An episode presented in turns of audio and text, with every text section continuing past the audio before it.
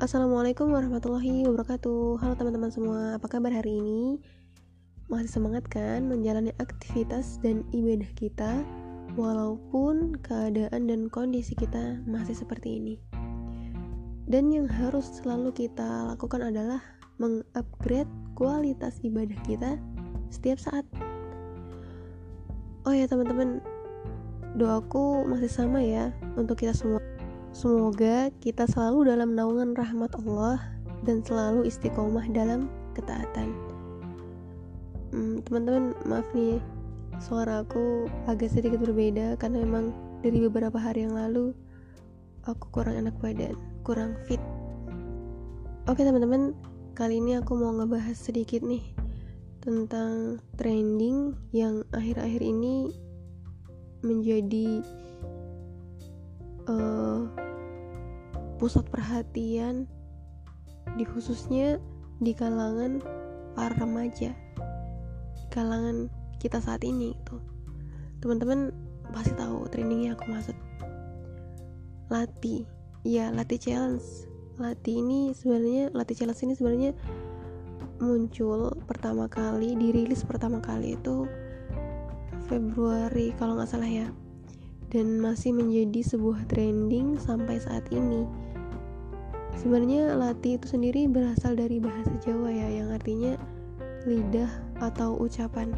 Aku sendiri yang asli orang Jawa, tapi aku nggak tahu arti lati itu dan baru dengar kata lati setelah menjadi trending topik saat ini.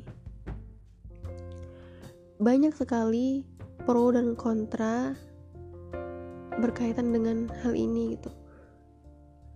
Dan bukan hanya di Indonesia bahkan udah sampai Malaysia gitu. Karena memang penggemarnya banyak banget gitu. Bukan cuma di kalangan anak-anak muda kalangan remaja bahkan anak kecil pun itu ikut-ikutan challenge ini gitu.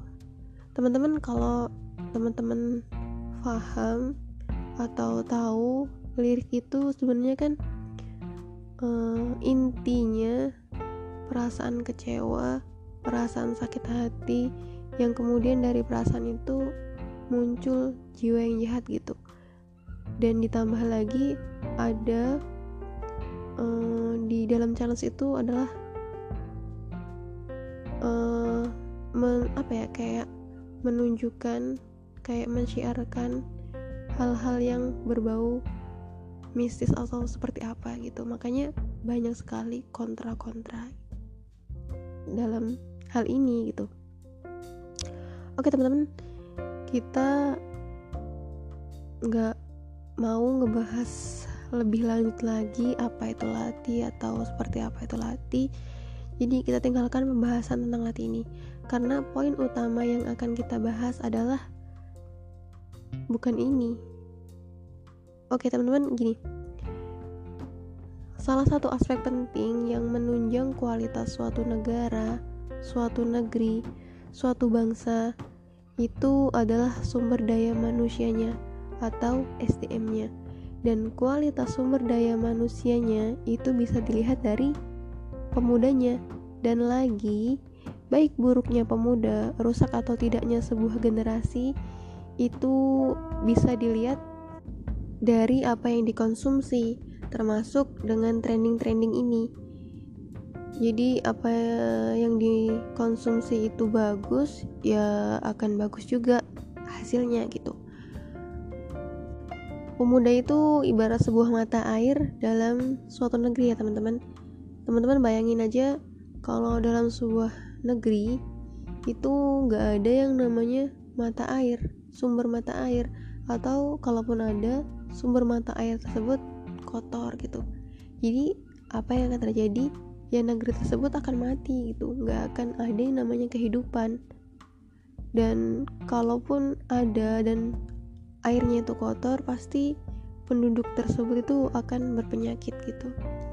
Sama halnya dengan pemuda yang sangat berpengaruh untuk sebuah peradaban maka apabila pemudanya baik maka baik pula peradaban itu dan ini kembali lagi dengan baik dan buruknya faktor yang membangun karakteristik sebuah generasi. Apa yang kita konsumsi, informasi apa saja yang masuk, itu menjadi pembentuk pola pikir seseorang. Kemudian dari pergaulan, lingkungan, itu juga yang menjadi pembangun karakteristik seseorang dan itu akan direalisasikan dengan akhlak, tingkah laku atau perbuatan. Di tahun 2030 sampai 2040, Indonesia akan mengalami yang namanya bonus demografi. Artinya, usia produktif itu lebih mendominasi daripada usia yang tidak produktif. Berarti 10 tahun yang akan datang dan selama 10 tahun Indonesia akan dipimpin oleh generasi-generasi muda saat ini. Dan kabar buruknya, jika Indonesia nggak memiliki atau nggak mempunyai sumber daya manusia yang berkualitas, sudah dapat dipastikan bagaimana kondisi Indonesia saat itu. Hmm, teman-teman pernah nggak sih uh, terpikir gitu atau pernah nanya kenapa sih harus pemuda? Apa yang dimiliki pemuda sehingga bisa dibilang peradaban itu di tangannya pemuda? Banyak sekali hadis-hadis Rasulullah Shallallahu Alaihi Wasallam dan dari Al-Quran yang menunjukkan bahwa generasi muda atau pemuda itu memiliki keistimewaan. Salah satunya yang diabadikan dalam Al-Quran adalah Ashabul Kahfi.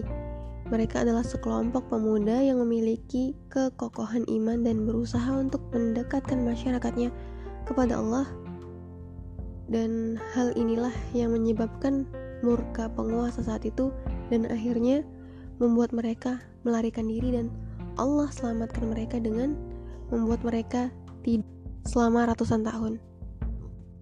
Dan Rasulullah Wasallam juga pernah bersabda, manusia itu akan ditanyai atau akan dimintai pertanggungjawaban atas lima perkara.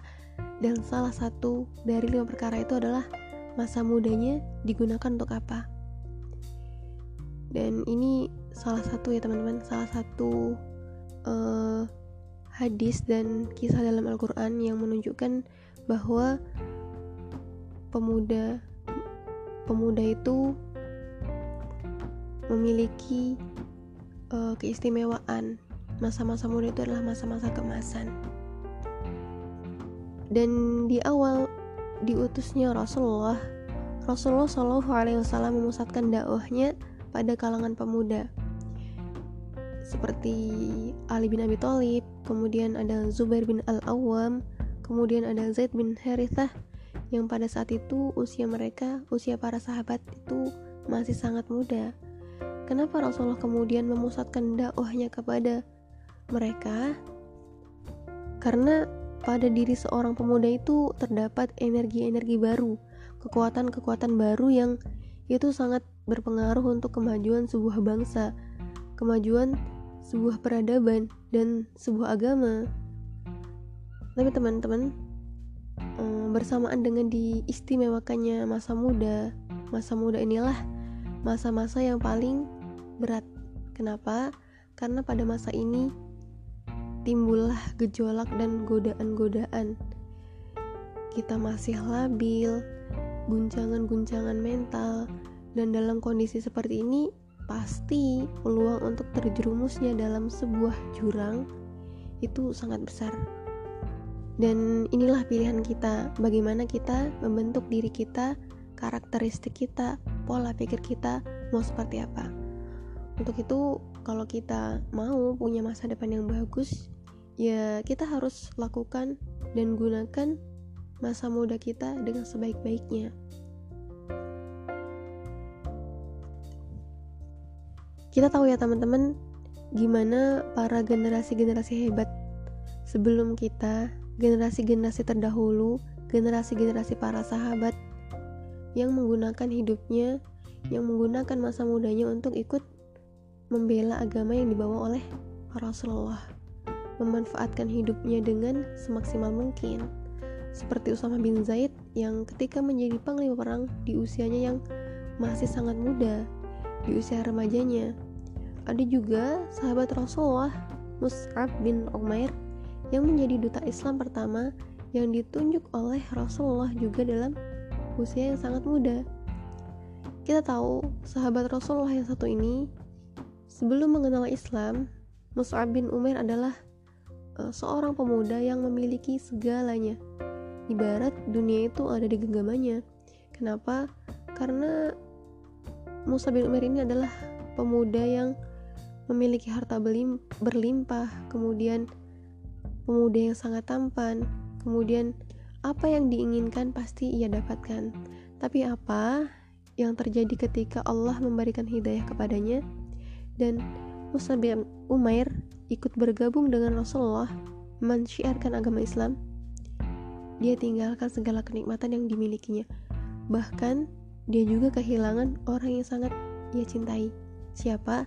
ibunya karena ibunya sendiri itu nggak mau kalau anaknya mengikuti agama yang dibawa oleh Rasulullah Masya Allah ya teman-teman.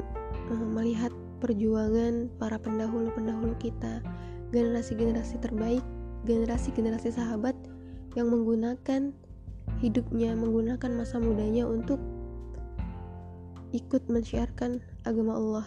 Beda dengan sekarang ini di mana orang menghina agama kita melecehkan agama kita tapi malah sebagian dari kita itu menertawakannya. Sangat sangat miris. Dan pertanyaannya adalah bisa nggak sih kita meneladani mereka meneladani sikap-sikap mereka meneladani perjuangan-perjuangan mereka? Jawabannya bisa. Pasti bisa. Cuma pilihannya ada di kita. Kita mau apa enggak uh, aku ingat sebuah pesan dari ustazahku ketika aku masih SMA di mana ustazahku tuh bilang ke muridnya ke kita ke aku kalau kita itu hidup jangan seperti manusia-manusia yang pada umumnya yang menjadikan orang biasa atau yang menjadikan ahlut dunia itu sebagai standar hidup mereka. Tapi jadilah manusia itu yang hebat, yang menjadikan para sahabat, orang-orang hebat terdahulu, orang-orang soleh terdahulu sebagai standar hidup kita untuk beramal solih.